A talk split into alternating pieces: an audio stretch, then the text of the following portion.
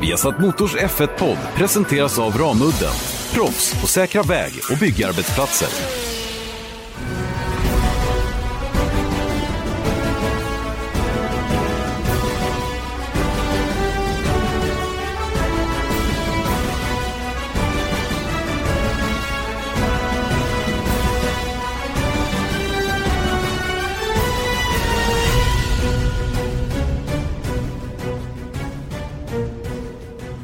Ohyggligt varmt välkommen till Viasat Motors Formel 1-podd. Janne Blomqvist, Erik Stenborg, så här när det är racevecka igen. Inte bara ett race utan två race faktiskt. Eh, Spaniens Grand Prix först och främst då, Formel 1 eftersom det här är en Formel 1-podd eh, ifrån Barcelona där vi ska prata uppdateringar och inte bara på racerbilarna utan även hur det ser ut in i depån. Vi ska prata intern kamp, Ferrari Mercedes. Eh, vi ska prata huruvida Barcelona är den första riktiga banan. Vad är en riktig bana egentligen? Finns det några riktiga banor längre? Vi, vi ska försöka lösa däckmysteriet, det ska vi inte alls. Det. Vi ska prata om det i alla fall. Och sen eh, kan vi konstatera att reglerna inför 2021 nästan är klara nu efter långa, långa diskussioner. Eh, Erik Stenborg eh, som börjat sätta tänderna i helgens program. Eh, visst är det så, det är inte bara ett race utan två race. Vi ska ju köra Indianapolis Grand Prix också i Indycar. Indycar och nu är det på lördag till och med. Just det. Den här gången. Så det är lite speciellt. Så att eh, ja, det blir bra helt enkelt. Vi kör på för fullt, har massa saker att göra och eh, vi ligger bra till. En fet helg kort och gott. Eh, det är ju bra att ni ligger bra till. Jag har inte hjälpt till kan man säga på det viset idag då eftersom det är lika bra vi outar det. Jag goofade vid första inspelningen så det här är tagning två. Mm, tagning två och eh, ni, eh, lång, eh, ni som har lyssnat på den här podden under lång tid framöver kan nog konstatera att det står 1-4 till eh, Eriks fördel vad I, gäller goofningar med inspelningen. jag tar den. Jag bara vänder andra kinden till. Inga problem. Eh, Spaniens Grand Prix, Erik. Eh, uppdateringsracet kan börja, eller hur är det med den saken? Vi har väl varit på det här förr om åren också, att det kanske inte är så mycket uppdateringsrace längre till Barcelona, men samtidigt är det det. Den är viktig den här banan på många sätt. Ja, det är ju det för att vi glömmer de här med allt med bilar som så, liksom ska gå fortare och sånt där. Vi fokuserar på motorhomes. Det är ändå det viktigaste.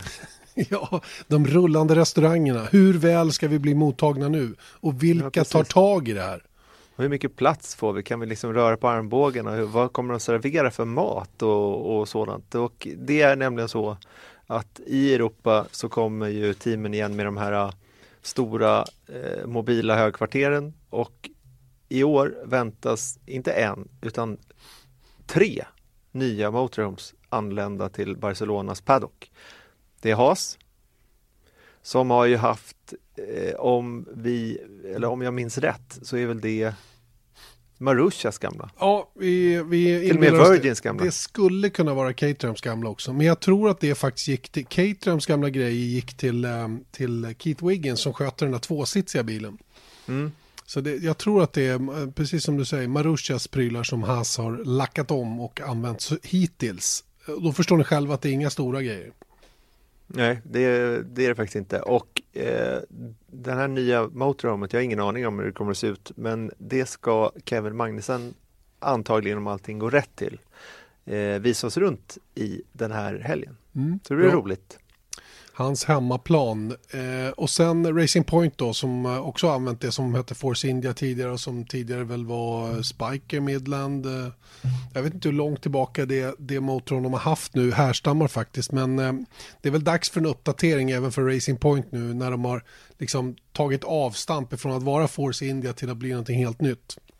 Ja, och jag tror faktiskt att de gjorde det här kanske som 2010 att de kom med den här grejen och jag det här var ju förra inspelningen, det här blir jättemetakonstigt men då menade jag att deras gamla motorhome, alltså Force Indias motorhome såg ut som Taj Mahal.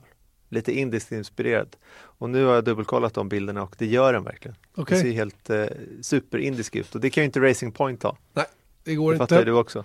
Jag var faktiskt förbi fabriken och tittade till den häromdagen. eh, i förra veckan och spanade lite på hur det såg ut där och det, det, det ser ut som det alltid har gjort. det har inte mm. hänt någonting vid, vid själva fabriken då, som ligger på andra sidan Dardford Road som alltså är på andra sidan entrén till Silverstone så de är väldigt, väldigt nära just Silverstone-banan med sitt, sitt riktiga högkvarter. Mm.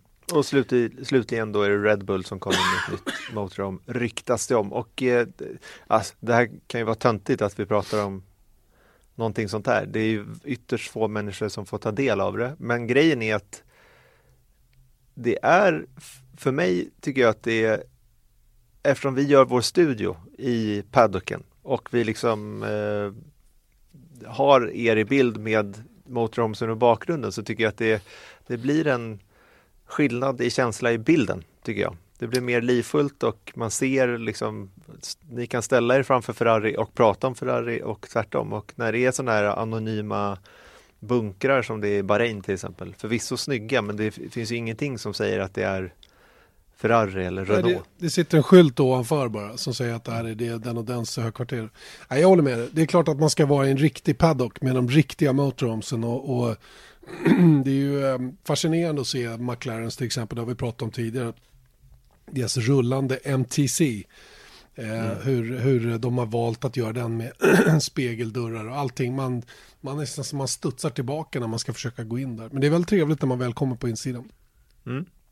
Ska vi titta på uppdateringar på bilar? Ja, det kan vi väl göra. Där det kommer väl att hända en hel del, gissar jag i alla fall. Eh, Ferrari kommer med sitt stora uppdateringspaket egentligen till Baku, till Azerbajdzjan. Eh, hade tagit fram en bakvinge som absolut inte var avsedd enbart för Baku eller Azerbajdzjan utan eh, någon slags eh, eh, mellannivå av downforce bakvinge då som säkert kan återanvändas den här helgen då i Barcelona.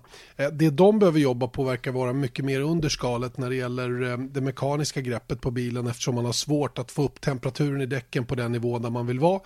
Eh, och det här hänger ihop lite grann med att däcken har förändrats till i år och blivit, har fått en lite tunnare slitbana.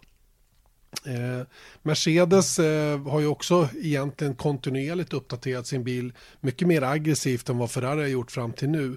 Eh, jag tror att en av anledningarna till att Ferrari inte har varit så aggressiva med just de här dynamiska uppdateringarna är för att de vet att de har ett rätt bra aerodynamiskt paket och hade det till starten på säsongen.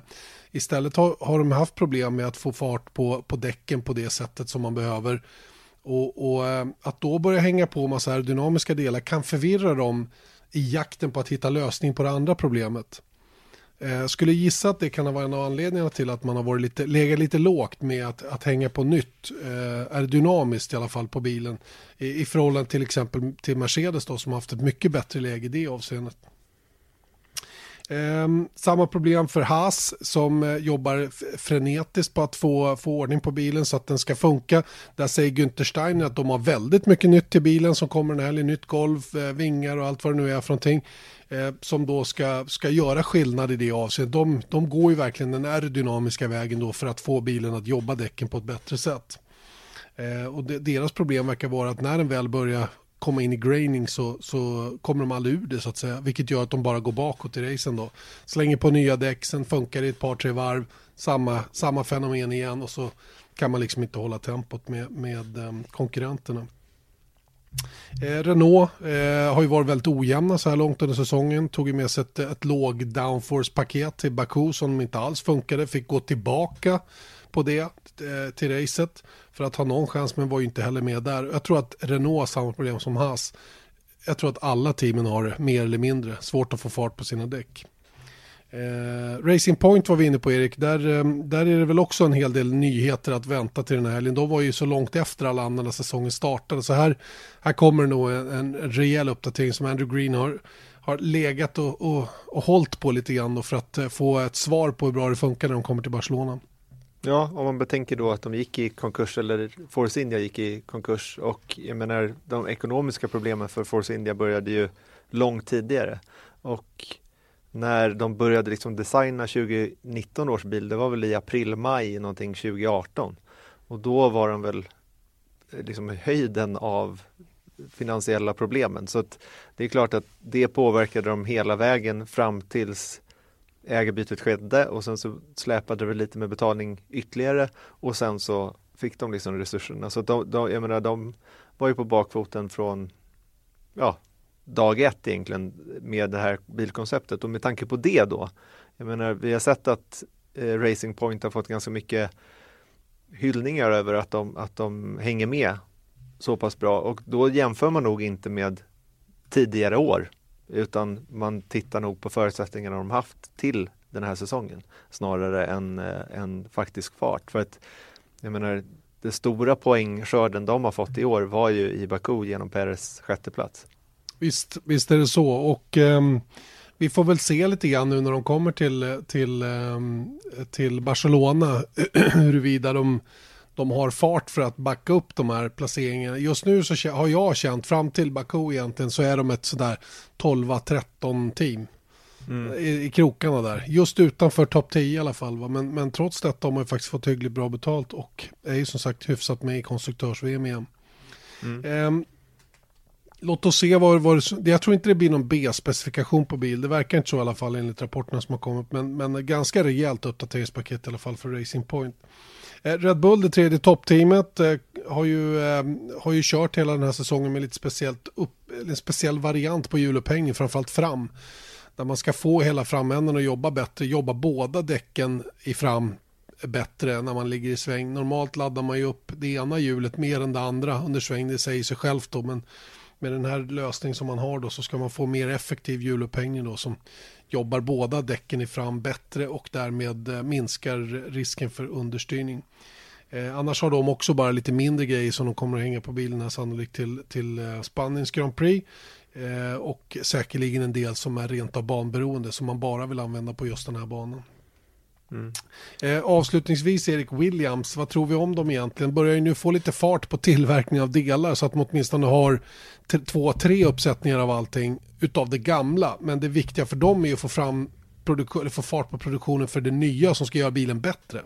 Mm. Ligger man ett par, tre sekunder bakom så måste man ju försöka göra någonting. I varje fall än så länge den här säsongen. Jag menar sen framåt eh, sensommaren, då kanske de skiter i den här säsongen i, rent av beroende på eh, hur det går då. Och om, om, man hittar någonting, men jag menar de är så pass långt bakom så att jag undrar om de någonsin kommer, de kanske kommer äta upp lite avstånd men de kommer inte komma om. Tror jag. De, de, är ju lite i samma läge som Sauber var för några år sedan när de 2016 var mer eller mindre konkursmässiga innan det kom in nya ägare och, och, och tog tag i saker och ting. Så det, det släpar ju efter något vansinnigt och de hamnar ju, de var ju helt gone redan förra året egentligen. Mm. Eh, och sen så trodde man ju ändå på något sätt att till i år så skulle det ändå, ändå se okej okay ut. Men, men eh, precis raka motsatsen.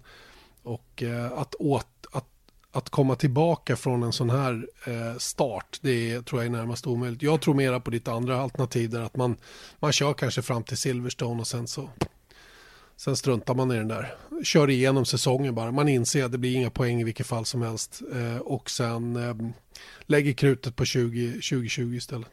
Mm. Nej, men det låter rimligt. Men om man tittar då på uppdateringar i Barcelona, det är alltid snack om det, att den här, eh, som vi, du var inne på, alldeles i början av den här avdelningen av podden så var det ju liksom i Barcelona, där kom uppdateringspaketen. De första tre, fyra racen innan Barcelona, det var liksom man startade säsongen som den var, man kanske gjorde någonting mindre. Nu ser det väldigt annorlunda ut, åtminstone för de stora teamen. Som vi nämnde där, att jag menar de, det spelar ingen roll för dem om, om man är i Kina eller i, i Spanien sett till att få fram delar. Jag menar det är ju liksom det som ibland släpar för team som Williams. Liksom. Att då, måste de ju producera nytt av det gamla för att kunna ens köra. När de slår sönder bilar som de gör också i år. Men, men Mercedes har ju inget svårt att få fram en tredje eh, framvingen av eh, senaste spes. Nej, det har de ju inte och eh, de, de har ju till och med kapacitet tror jag att dels producera en annan version i mer än en upplaga och samtidigt se till att man har av den spes som man då har kört kanske de två första, tre första tävlingarna med också i mer än en upplaga. De har, liksom, de har en kapacitet på en helt annan nivå och det gör ju att de har helt andra möjligheter också att vara förberedda för alla eventualiteter gäller ju samtliga tre utav, av toppteamen då. Men sen tror jag det är ganska stort gap till de övriga. Okej, okay, McLaren har möjligen de, de resurserna också att kunna liksom jobba med två, två koncept samtidigt då för att, eh, för att vara förberedd till exempel för en sån här helg. Då. Men det är ju det som gör att toppteamen också kan komma med nya grejer i stort sett varje tävling då. Kanske till och med banberoende prylar, att man hänger på någon liten extra vinge på golvet för att det passar bra just i Kina och sen så tar man bort den där vingen men behåller resten av golvet när man kommer till, eh, till Baku och så håller man på så där fram och tillbaka. Mm. Ibland får jag en känsla av Erik att vi övervärderar det här med uppdateringar och, och hur mycket man Millions of people have lost weight with personalized plans from Noom. Like Evan, who can't stand salads and still lost 50 pounds.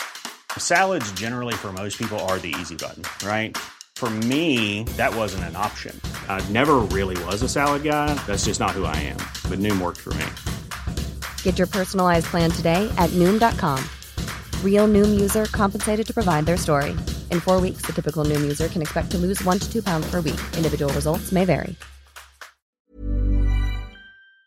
Man faktiskt gör. Eh, det, hur stora de här uppdateringarna är, det är också beroende på vem, vem som har sett dem och vem som förklarar dem.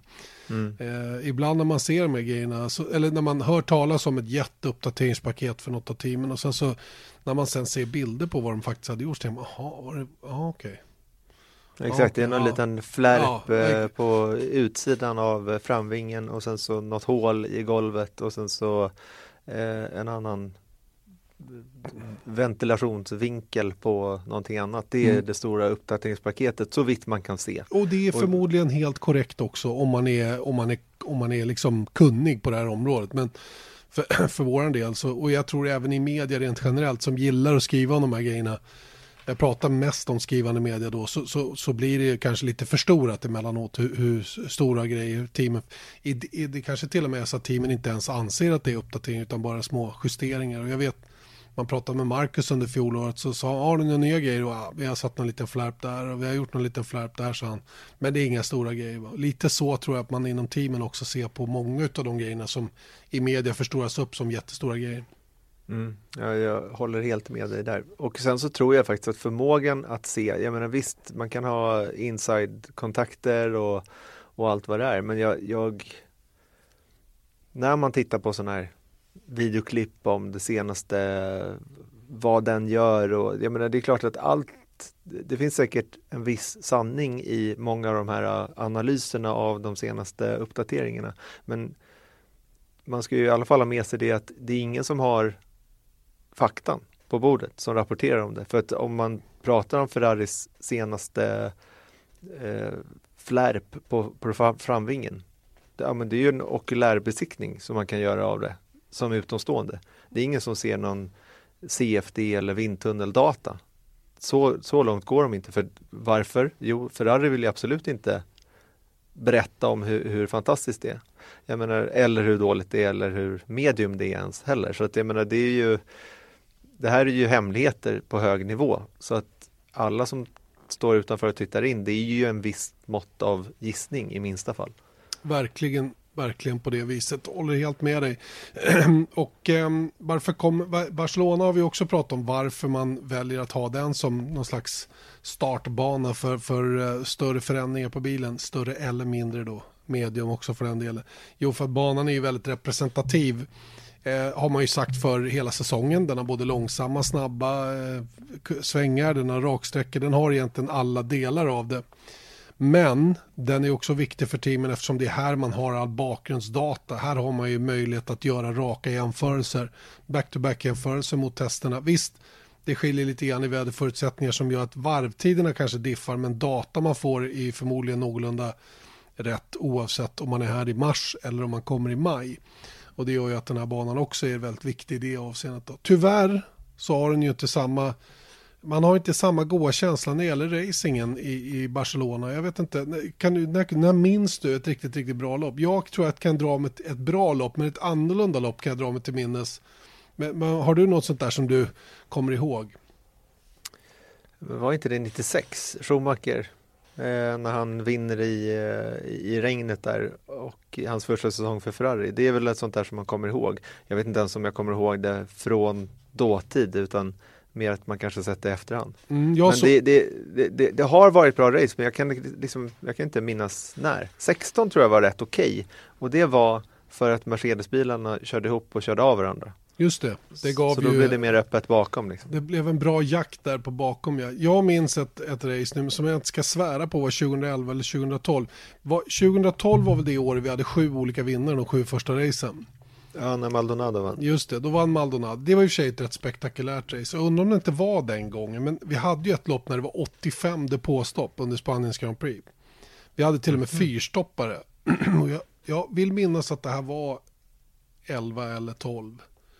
Det var inte var 11 då, när ja. det var, det var väl det året som hade så himla problem med The Cliff pratade man ju om med, runt däcken. Just det, och det var totalt kaos med det. Det var ju ett annorlunda, jag vet inte om det var så himla bra. Det var väl inte, det var väl inte, vad ska man säga, det var väl ingen eh, propaganda för Formel 1-sporten på det viset att det var totalt kaos med däcken. Men det var lite annorlunda i vilket fall som helst. Och man, liksom ingen klarade sig under tre depåstopp överhuvudtaget. Va? Så det, var, det var lite småkaos. Men, men banan som sådan är svår eftersom den är så otroligt aerodynamiskt krävande och eh, deltan för att kunna köra förbi en annan bil är förmodligen upp mot två sekunder. Du behöver vara helt enkelt två sekunder snabbare än bilen framför för att, för att ha en bra möjlighet att komma förbi. Detta trots att man har hjälp av DRS. Mm. Och nu ska vi bara lägga till det som en fotnot i minsta fall är att det är de här nya RO-reglerna till i år där det ska vara lättare att komma nära och därav komma om. Och eh, vi har pratat om det tidigare huruvida det är så att de fungerar eller inte. Jag menar det finns delade meningar även bland förarna. Eh, om det är så eller inte. Jag tyckte liksom att när man såg Australien, Bahrain så var liksom min magkänsla var att ja, men man kanske det ser ut som de är närmare varandra. Men om det är något, någon bana man ska testa det här på, om det verkligen går, då är det ju just Barcelona eftersom det är så svårt att komma om här, normalt Mm. sett. Och, och om det har underlättat 5% då är det en höjdare. För att det är praktiken omöjligt. Det är liksom nästan lika svårt som att eh, köra om i Monaco som här. Ja, alltså jag tror statistiken till och med talar för att det är svårare att köra om här än i Monaco. Eh, I alla fall om man sätter vem som har vunnit för vilken startposition.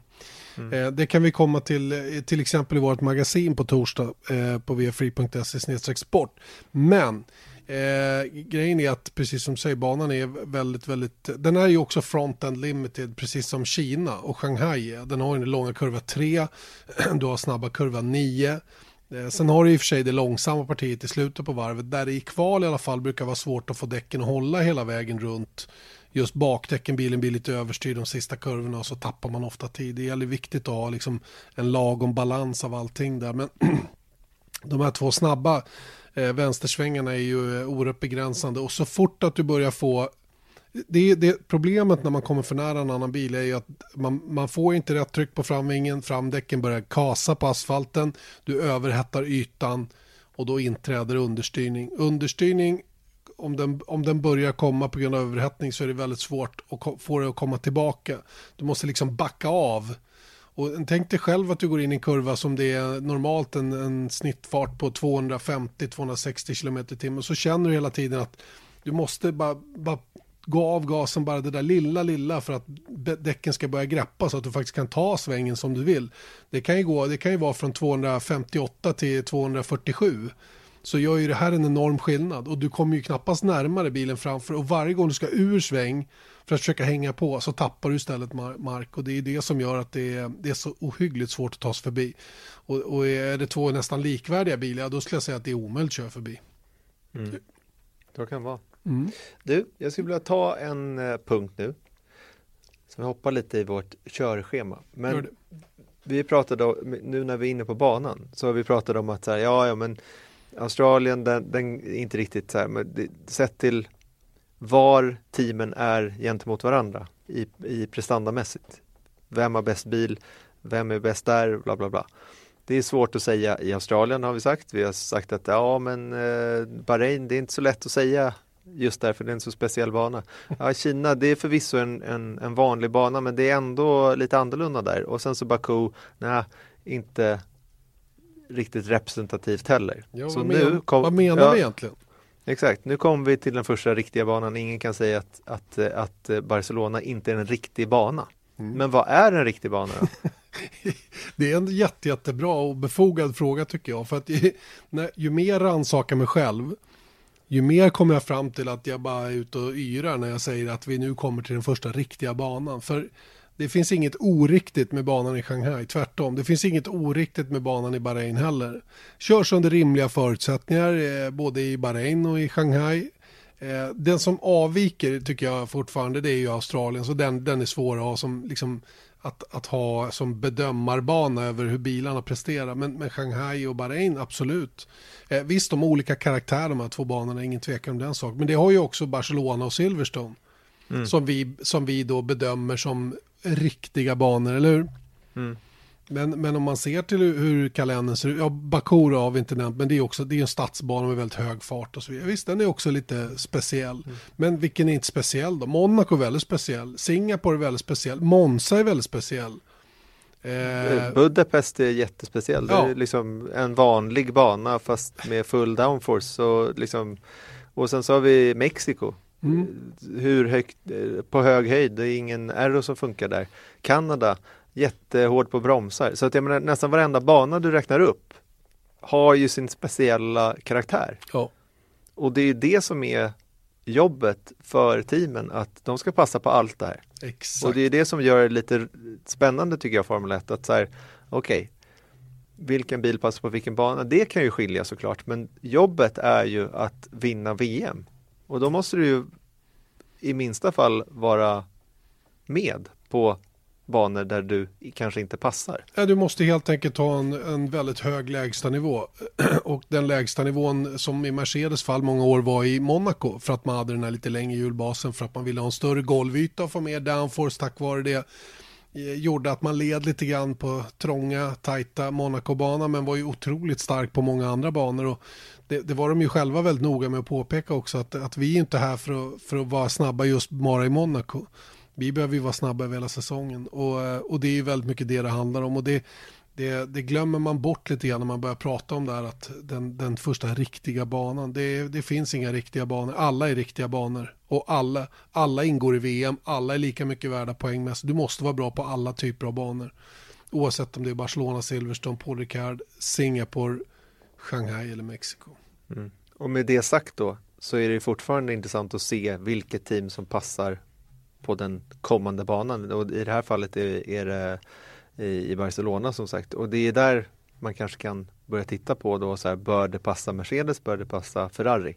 Men att utröna vem som är, har bästa bilen, det har vi nog redan sett. En annan lite rolig grej som jag såg någon irriterad kommentar på någon, på någon av mina tweets kanske det var eller någon annans tweet, jag kommer inte ihåg. Det var ju så här att vi, man tyckte han, den här personen tyckte man kunde döda det, trötta, tr, det trötta resonemanget från många journalister om att Ferrari har den bästa bilen. Och mm. jag började tänka på vad han sa där och så, och, så, och så insåg jag att han har ju faktiskt rätt, den här personen. Hen, han. Mm. Eh, att det är klart som fasen att vi inte kan sitta och säga att Ferrari har den bästa bilen längre. För det, de, de har torskat dubbelt. De har alltså, vad har de, en pallplats så här långt? Eller är det mm. två? Jag tror att det är Två va? Ja. Oavsett så är det ohyggligt mycket under den nivå som de, som de ska vara om man sitter med den bästa bilen. Visst, de har, mm. det, har, det har saker som har inträffat. Men inte fasen är det så att Ferrari har den bästa bilen längre. Vilket jag och många andra har hävdat så här långt. De har en bra bil. De har mm. en väldigt bra bil till och med. Men den bästa bilen det kan vi inte hävda längre. Utan det är ju förmodligen Mercedes som har det mest kompletta paketet och därmed också den bästa bilen just nu. Sen får vi se hur det utvecklas under säsongen. De har dessutom haft lite flyt givetvis. I Bahrain var de ju inte bäst, långt därifrån. Men de lyckades vinna dubbelt i alla fall då med, med anledning av saker som hände då under racet. Mm. Ett nyckelord där som du säger tycker jag är paket. Och när man säger paket då kan jag inkludera växellåda, motor, förare, bil och hela teamet. Så att jag tror att kanske i alla fall att Mercedes eller Ferrari har en väldigt, väldigt bra bil. Men det fallerar på andra delar mm. av paketet. Helhet, helheten saknas. Mm. Och det är, det är det som har, och du, vi, vi sa någonting i vårt körschema när vi snackade upp racet sist att Ferrari håller på att slå kroppen på sig själv eller håller nästan på att vinna VM mot Mercedes. Och det är inte utan att, det, att, att man känner att det är på det viset. Att, att Mercedes är så starka och det var någon som skrev om det var Autosport eller någon som skrev att framgång föder framgång. Va? Och det gör att man också vågar vara lite smart i vissa situationer. Ferrari, de, de, de, de, deras beslut tvingas fram på fel grunder så att säga. Va? Och det är det som gör, de, de blir nästan för smarta för sitt eget bästa. Typ medium i, i kvalet i, i, i Baku där man hade allt under kontroll. Man hade banposition, man hade allting. Man hade banposition, man hade snabb i om man bara hade gjort det enligt formulär 1A. Vilket mm. Mercedes gjorde. Visst, det var inte den bästa strategin. Men det var den minsta chansningen. Och jag mm. menar, det, det är ju, visst, vi hade hyllat Ferrari alla dagar i veckan om det där hade gått hem. Le Leclerc hade tagit pole, Vettel kanske trea på medium. Visst, de hade blivit omkörda av några i början, men sen kommit tillbaka och vunnit dominant och vi alla hade jublat över Ferraris smarthet. Va? Nu blev det ju backfire upphöjt till två istället och eh, inget vidare resultat totalt sett. Nej, och det som är det jobbiga med det här nu är att Ferrari kan inte vara gå på den liksom konventionella vägen för Nej. att ha en chans att vinna VM. Så nu måste de börja chansa, tror jag, mer. Och det har ju inte visat sig vara deras starka sida de senaste åren. Nej, det jag tycker snarare än att chansa så behöver de vinna bara. De behöver vinna varje race nu. De behöver vinna mm. hela tiden. Och, och, bara göra det på ren pace och arbeta hårt nu. Inte hålla på och krångla. Var mer rakt fram acceptera ibland att Mercedes kommer att vara före dem, va? men, men offer, så ofta det bara går att vara före utan att vara, liksom, tänka för många steg långt fram i tiden så att säga, då kommer det där att gå vägen. Och sen, sen har de ju ett jätteproblem med hur de ska hantera sina förare. Hur ska de jobba de här två för att de två tillsammans ska ta så mycket poäng som möjligt? Det är en annan fråga. Hur ska de göra med det här? egentligen. Eh, och Jacques Villeneuve var inne på att, de, att, att Leclerc kanske har kommit till Ferrari för snabbt, för tidigt. För att Ferrari själva ska vara klara för att ta emot en sån supertalang som han är. Och istället så har det blivit oro i leden så att säga. Va? Mm. Kanske Tack vare, eller på grund av Vettel ja, kanske? Ja, ja, visst är det så. Va? Men, men eh, om de nu har bestämt sig för att det är Vettel som ska pushas fram och då kanske inte Leclerc var nummer ett-valet att stoppa in i den andra bilen som, har, som är omvittnat väldigt snabb. Mm. Du, mer om det i helgens sändningar då vi har en intervju med Jacques Villeneuve. Viasat Motors Formel 1-podd fortsätter. Janne Blomqvist, Erik Stenborg. Eh, vi har pratat upp, eh, eller vi har pratat väldigt mycket om Spaniens Grand Prix. Vi, eh, alldeles nyss eh, pratade vi om Leclercs eh, Eh, position i Ferrari, hur det kommer att vara. Eh, det är intressant att kolla på Ferrari och Mercedes internt också mellan de båda teamkamraterna Erik. Vem av dem är snabbast egentligen? Det är inte stora marginaler som skiljer. Nej, det är tvärtom. Alltså det är otroligt små marginaler. Om man tittar då inom teamen bara till att börja med. Det här blir som en liten preview av någonting som vi ska prata om inför kvalet på lördag. Eh, men ni får ett litet smakprov. För det är nämligen så att om man tar alla fyra snabbaste varv i Q3 mellan teamkamraterna emellan. Och tänk er då att man lägger Albert Park, Bahrain International Circuit, Shanghai International Circuit och Baku City Circuit på en lång lina. Då blir det ungefär två mils eh, kvalvarv. Och tittar man då på Hamilton och Bottas då, som har varit, eh, de har, ja, det står 2-2 emellan dem i kval. Men Hamilton är alltså före Bottas med, då med 96 000 delar. En knapp tiondel alltså på så lång eh, ja, på så lång distans. Och då kan man tycka att oj, det var lite, men då kan man titta på Leclerc och Vettel. Vettel har 3-1 mot Leclerc, men Leclerc är före Vettel på samma distans då. På, på tre, på tre kval blir det då? På tre kval mm. eh, med 25 000 delar. Och 25 000 delar, det är liksom, det är knappt mätbart. Alltså du kan inte uppfatta det om man, du sätter en ton med starten av eh, 25 000 delar och sen en ton i slutet av 25 000 delar. Det låter som en ton. Det är, det är galet, galet tajt, kort och gott, eh, mm. mellan förarna. Och, och äh, säger en del också om att äh, det, Eh, bo, båda förarna i respektive team har, har närmast träffat så mycket som bilen klarar. För annars skulle det vara större differenser om den ena inte hade gjort det eh, kontra den andra. Så bo, båda förarna i båda de här teamen håller väldigt, väldigt hög nivå. Sen, sen vet vi att Leclerc bannade sig själv i Kina till exempel efter sitt kvalvarv då han var mycket medveten om att han hade kostat, det kostade honom dyrt. Va? Han var före Vettel i racet men fick ändå släppa honom förbi. Han behöver ha större marginaler mot Vettel för att slippa teamorder och sådana grejer. Mm. Vet du vad jag tycker du säger om jämnheten? Det är just att så här, misstag sker alltid. Jag menar, det finns ingenting, eh, jag tror det är Jenson Button som sa det, att du kan inte köra ett perfekt kvalvarv, kan inte köra ett perfekt racevarv överhuvudtaget, det är omöjligt. Så misstagen kommer. Men det jag tycker säger är att när det är så här jämnt mellan teamen, eller i teamen, så de enda som egentligen är, är jämförbara, det tycker jag säger någonting om nivån på förarna. Hur, ja men misstag kommer men de gör ungefär lika mycket misstag. Mm. Och de är ungefär lika snabba därav. Och det är det som jag tycker är helt, jag menar, tänk dig den marginalen, 25 tusendelar på två mils körning.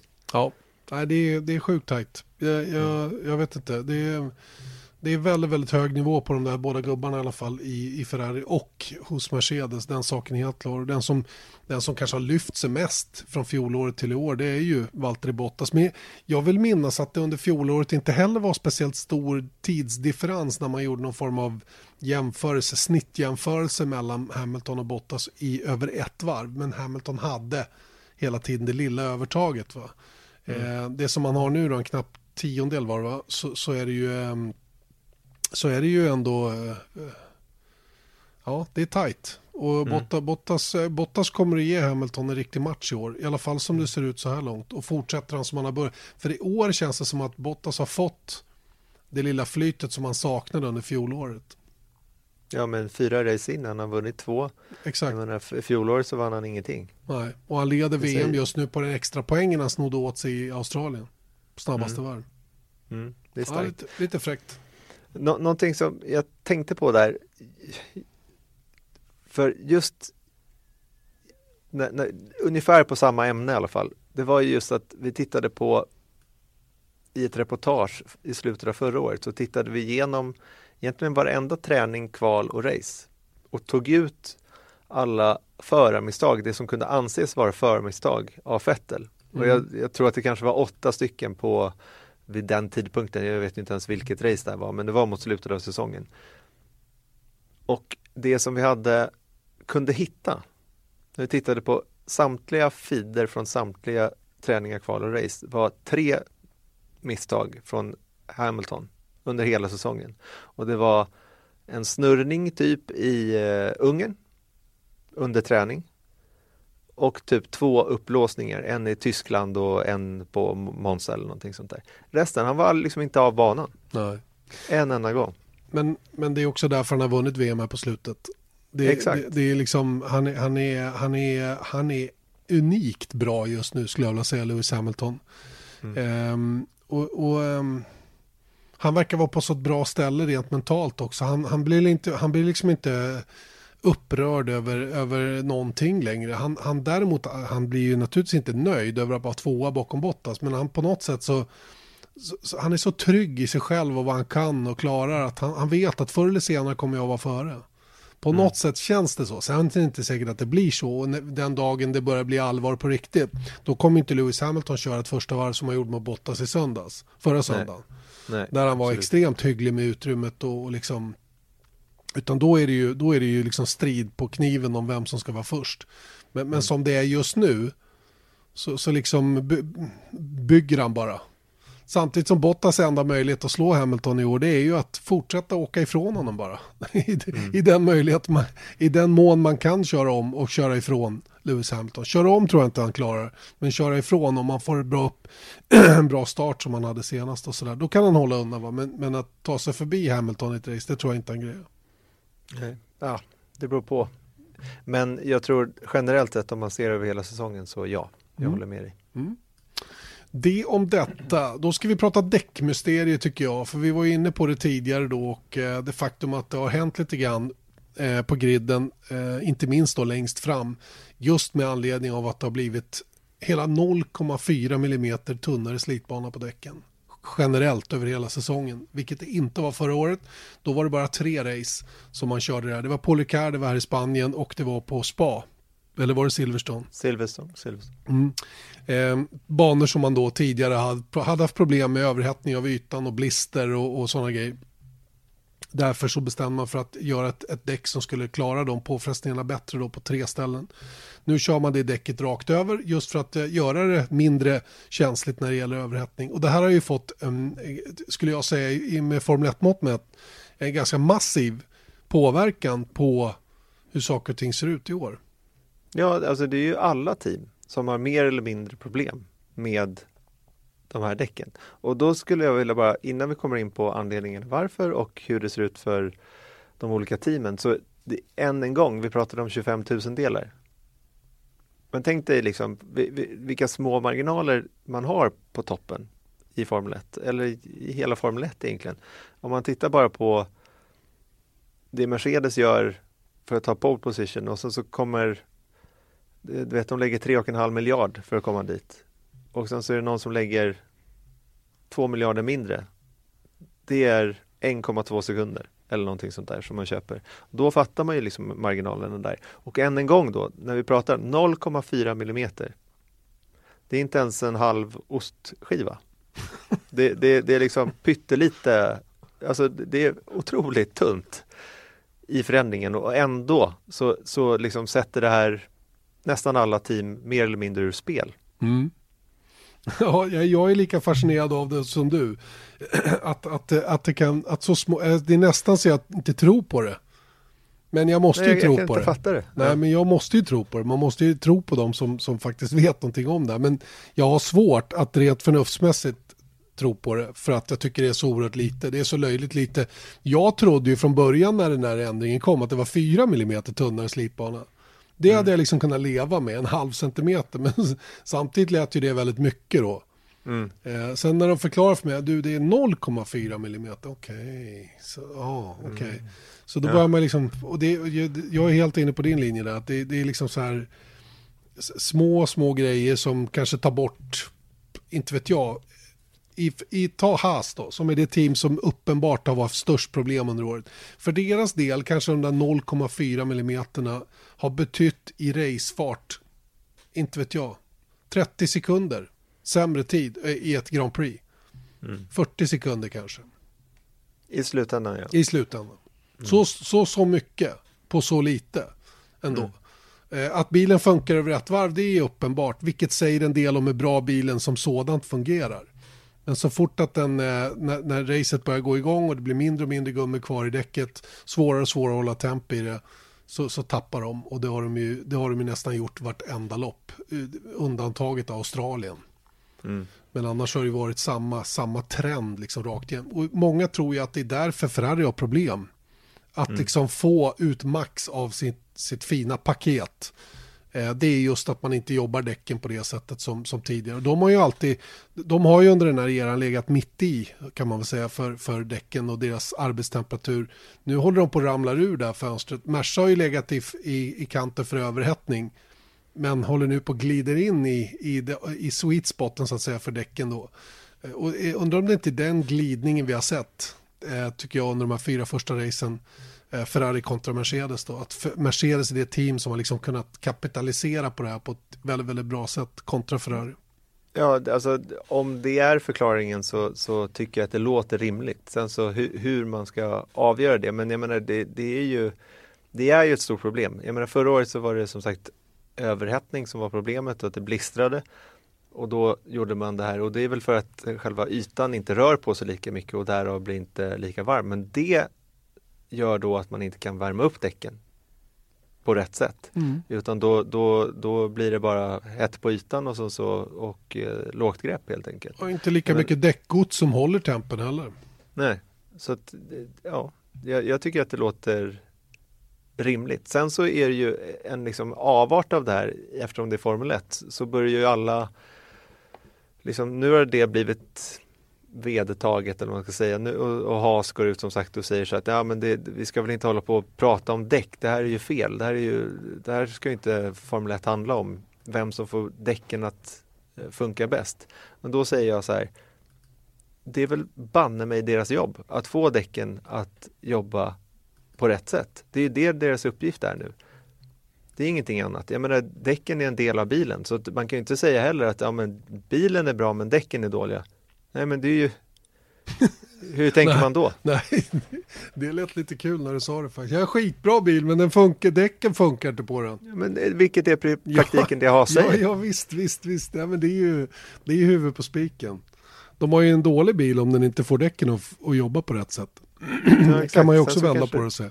Ja, så, så då kan man ju istället säga om man, som jag tycker, jag stör mig på det här ganska mycket, hur team och folk inom Formel 1 generellt då så här pissar på sin egen produkt och då kan jag tycka att så här, det Günther Steiner skulle kunna ha sagt är att säga så här, ja men vårt grundkoncept är jättebra, det vet vi, för det funkar så bra över ett varv. Så länge vi kommer eh, få grepp om det här problemen med däcken som vi har, då kommer vi vara att räkna med. Så vänta och se.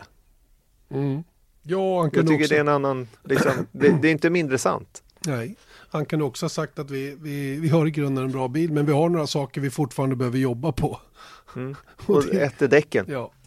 Och, och sen om det handlar om hur man förbereder däcken, hur man värmer upp dem i däckvärmare, vilken heat cycle eller vad det nu än är. Det, det vet ju inte vi så att säga. Va? Och det vet de ju knappt själva heller om jag har förstått det hela rätt. Va? Så att, eh, men det känns ju som att det är något mekaniskt i bilen. Hur, hur bilen liksom med fjädring och sådana saker belastar däcken under olika perioder och, och, att den kontinuerligt jobbar in energi i däcket då, så att den aldrig droppar i temperatur. Jag menar vi såg ju Max Verstappen när det blev WC i Baku. Han hade ju inte en chans att få tillbaka däcken in i fönstret efter den, den perioden. Eh, lika lätt som många andra hade runt omkring och då, då är man gone. Va? Mm. Det, det liksom... ja, men, alltså, som sagt, jag, jag tycker det, det, finns ju någonting i att det är väldigt känsliga däck och det är svårt att, att, att, att liksom få grepp om dem. Men jag säger att det finns ju mer eller mindre så är det så här i nästan alla serier. Kolla på Indycar, de har ju också samma problematik runt deras Firestone-däck då mellan hur eh, stort spann det är mellan de svarta och röda och, och, och allt möjligt. Så att, jag menar, det, det, är inte unikt för Formel 1. Det som är unikt för Formel 1 däremot är att man skyller ifrån sig mer än någon annan motorsport skulle jag säga också. Men det är ju också för att the stakes are high. Mm. Såklart. Så är det. Vi får väl se vad som kommer att hända. Om de kommer att lösa det här mysteriet som vi har döpt det till då, däckmysteriet. Um, vi går vidare eh, med våran podd som börjar att närma sig slutet nu. Eh, vi kan konstatera att Williams kommer att få slantarna tillbaka för den sönderkörda bilen. Det här brunnslocket som flög upp efter det att, eh, var det Ferrari innan va? Var det Leclerc som hade kört över brunnslocket och suget från underred på bilen drog upp brunnslocket som inte satt fast ordentligt och så hamnade det inte på, på sin plats till 100% utan det stack upp i bakkant och då tog ju golvet i i det där, det där brunnslocket när eh, Russell passerade över och det blev väldigt stora skador på den här bilen. Så stora skador att chassit inte gick att, att köra med resten av helgen. Dyrbart mm. som 17 förstås och eh, det, det ska de få ersättning för har jag förstått. Mm, det är försäkringsbolaget eh, hos eh, Azerbajdzjans Grand Prix då som ska betala ut det där och eh, Azerbajdzjan GP-organisationen ligger på som attan så att William ska få de här betalade, utbetalade så fort det bara går. Men inte bara det. De har redan skickat blommor också. Nej men det är en snygg gest tycker jag. Det är mm. klart att de ska ha blommor. Mm. Så att man blir glad. Vilka blommor det var? Hoppas ja. de var dyra. Ja men det var de säkert. Jag är helt övertygad om att de var det. Eh, vad kostade det Haas som råkade ut för ungefär samma grej 2017? Var det 5 miljoner dollar eller någonting sånt där i, i skador på bilen?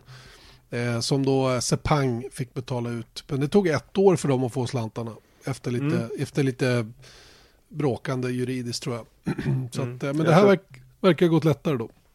Ja, men jag tror att eh, det, det, kan ju ha någonting att göra med att eh, Baku skrev på ett nytt kontrakt för Formel 1 och Sepang inte hade det vid det tillfället. Så att eh, de vill väl inte betala ut pengar i, i onödan. Nej, så är det. Hörni, eh, reglerna för 2021 då? Det ser ut att börja dra ihop sig för att kunna, kunna kunna komma med ett nytt reglemente. Ett eh, tekniskt reglemente och sportsligt reglemente förstås. Men det tekniska är ju det som teamen är intresserade av i första hand. Hur ska bilarna egentligen se ut ifrån 2021 och vad är det för ramar som kommer att gälla. Det har varit långa diskussioner som väl börjar dra sig mot sitt slut nu och eh, det finns ju någon form av deadline som närmar sig snabbt nu. Mm. Juni var deadline. Nu verkar det som att det blir oktober som är deadlinen. Så det är ju inte så bråttom. Sa du Brexit? Så, du sa inte Brexit? Nej, du sa just 2021 reglementet, ja, förlåt. Ja, Brexit, va? Ja, men de har ju flyttat fram deadline till oktober också. Jaha. Jag försökte ja, vara ja. roligare, det följer som en sten. Ja, men du är inte rolig. Nej, jag, det... vet. jag tycker det själv. Och det är sjukt ja. obildat att skratta åt sina egna skämt, så det får man absolut ja. inte göra.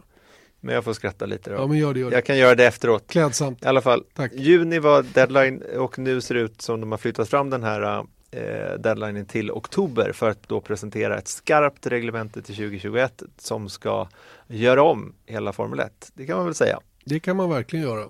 Det kan mm. bli rätt stora skillnader och eh, man har ju öppnat upp nu då för att ta in anbud till intresserade leverantörer av fälgar, till exempel bromssystem, eh, växellådor. Eh, så det är ju en del standardiserade delar då som kommer att finnas på bilarna från 2021 och om man nu får igenom de här reglerna. Men bara det faktum att man har skickat ut förfrågan på att få in anbud säger väl att de där grejerna är man väl rätt överens om. Eller vad tror du?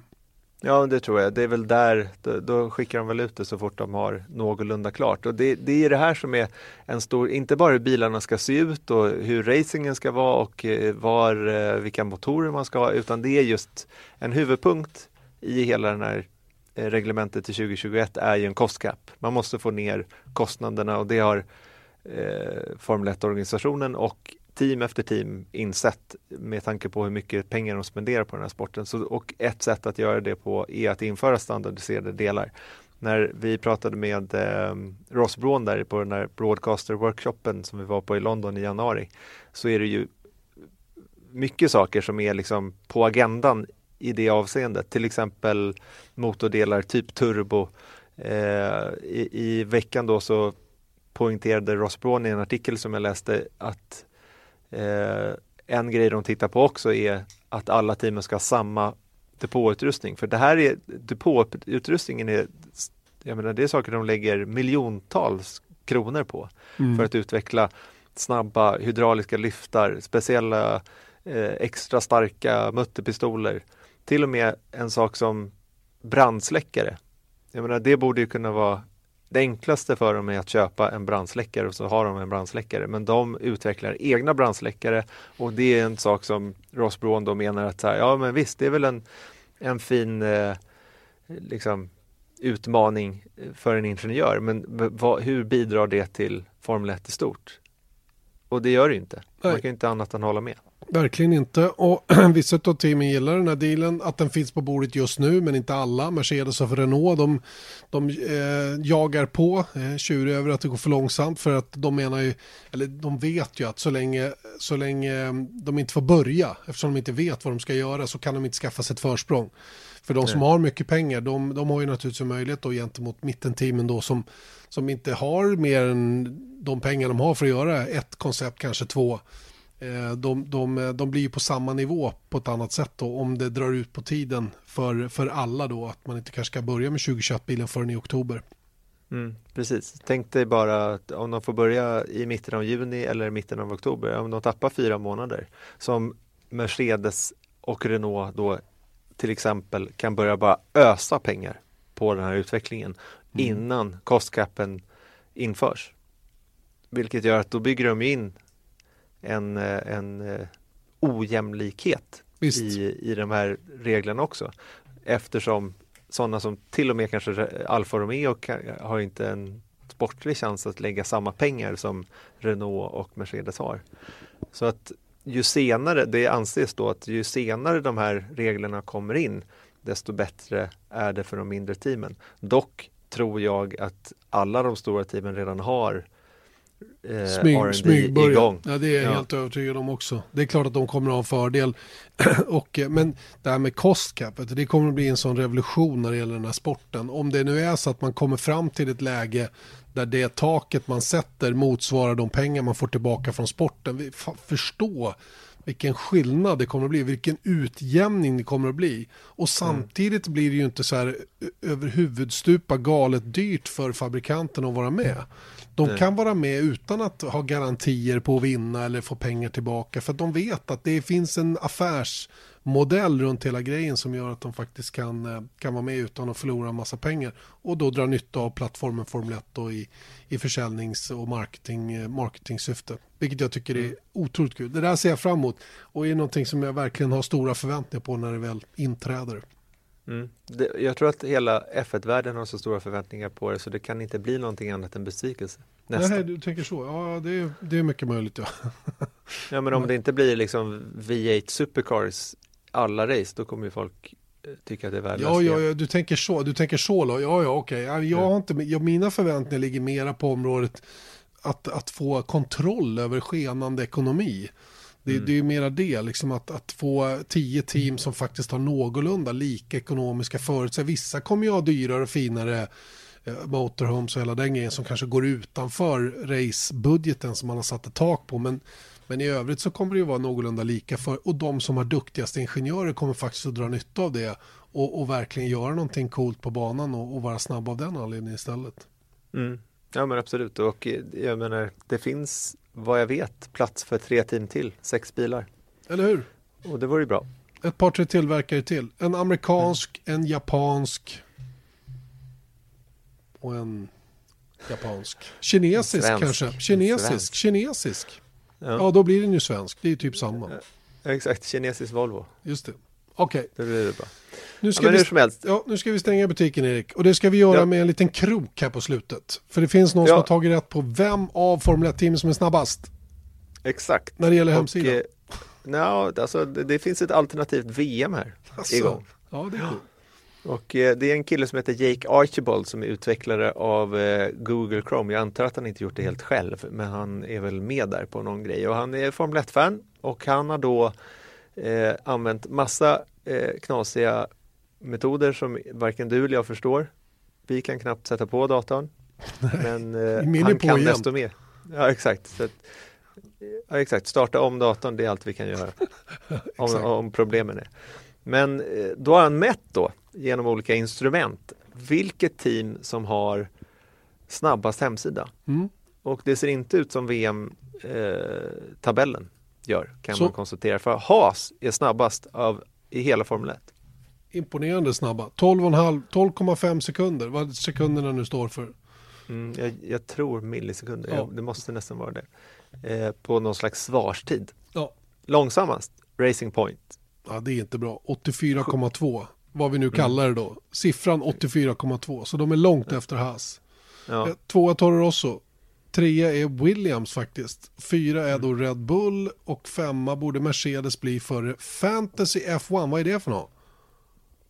Det är eh, den här uh, ja, manager, alltså man får välja förare ah, och så ah, får man okay. poäng och sånt. Faktum är att Alfa Romeo faktiskt är före Fantasy F1. Mm. Eh, sen kommer Renault, McLaren, Ferrari och längst bak Racing Point. Ja, det är också ett VM. Ferrari näst sist. Ja, vi hoppas att inte det är något Det går inget bra där heller. det gör inte det, tyvärr. Eh, ja, ja, men det är kul med ett alternativt Formel 1-VM då när det gäller eh, snabbaste hemsida. Eh, mm. Det är antagligen billigare att uppdatera sig liksom i kapp där. Exakt, ja det är det förmodligen. Förmodligen. Mm. Du, vad kan vi se fram emot i helgen nu då? Vad ska vi göra? Du som är min arbetsledare här. Vad ska jag förvänta mig? Det är ingen idé att jag säger för du kommer glömma bort den då. Så jag, jag kommer vet. skicka dig den här inspelningslistan som du alltid får. Nej men, men eh, Kan vi inte lägga upp ska... den då? Kan vi inte lägga upp nej. den? För, nej, det är ett internt grej... verktyg. Ja, och grejen är att det är så mycket grejer på den som kanske inte riktigt blir av heller. Så att, och, och, just i det här fallet så är det ganska mycket grejer som inte är helt hundraprocentiga. Mm. Men eh, som sagt så har vi Kevin Magnusson som antagligen kommer ge oss en liten tur runt deras nya motorhome. Vi ska hänga på eh, en kille som heter Giorgio Piola. En eh, riktig nestor sett till F1-journalistik på den tekniska sidan. Han gjorde sitt första race i Monaco 1969. Så att eh, nästa race då i Monaco blir det femtionde året som han är involverad i Formel 1. Det är ganska länge. Är Men hans specialitet då är att om man går in på motorsport.com eller Autosport så ser man ofta lite så tekniska teckningar på uppdateringar och vad de kan tänkas göra och sånt där. Och det är ju Giorgio Piola som ligger bakom 99,9 procent av dem där. Eh, så vi ska försöka hänga på honom och se hur han jobbar. Vi ska förhoppningsvis träffa Carlos Sainz, den enda span spanska F1-föraren som är kvar på griden efter Alonsos eh, flytt. Och eh, vad har vi mer? Ja, vi ska titta närmare på, på eh, poängställningen på ett lite annorlunda sätt. Titta mer på kvaldistanser, det som vi var inne på tidigare i podcasten. Det är någonting mer, ja, Jacques Villeneuve. Just det. Som du träffade på Knutstorp under Porsche Carrera Cup Scandinavia föregående helg. Exakt så, han var där och körde som gästförare och eh, han har ju mycket åsikter som alla känner till och eh, spännande att prata med honom faktiskt mer om det alltså under våra sändningar ifrån Spaniens Grand Prix. Ett magasin får du på torsdag, signerat mig och Björn Wirdheim. Sen kör vi träningar då från och med fredag förmiddag. Eh, träning lördag förmiddag och kval då förstås lördag eftermiddag och sen race på söndag. Missa inte heller både nya FIA Formel 3, eh, Formel 2 och Porsche Supercup som också kör den här helgen nere i Barcelona sitt premiärrace för säsongen. Och Indycar Grand Prix från Indianapolis Motor Speedway, Marcus Eriksson, Felix Rosenqvist. Vi kommer, förutom Anders Kron då, så vi jobbar på gäst där i studion. Ja. vi alltid har lite flytande. Just nu ingen klar. Men vi kommer, ni kommer få träffa Scott Dixon. Åh, oh, kul! Mycket spännande. Du, fasen det är länge sedan man var på Indianapolis Grand Prix-bana. 2008 var jag där. Mm, jag har inte varit där, men jag kommer vara där snart. Ja, men du ska ju se på de rundbaneracingen. Jo, men jag kan väl titta på insidan också. Okej då. Ja, ja. Okej då. Ja, I alla du... fall. Tillägg? Ja, nu är vi precis en minut över en timme. Ja, så låt oss bra. Eh, stänga ner här. Vi gör det. Vi hörs till helgen. Ha det gott. Viasat Motors F1-podd presenteras av Ramudden. Proffs på säkra väg och byggarbetsplatser.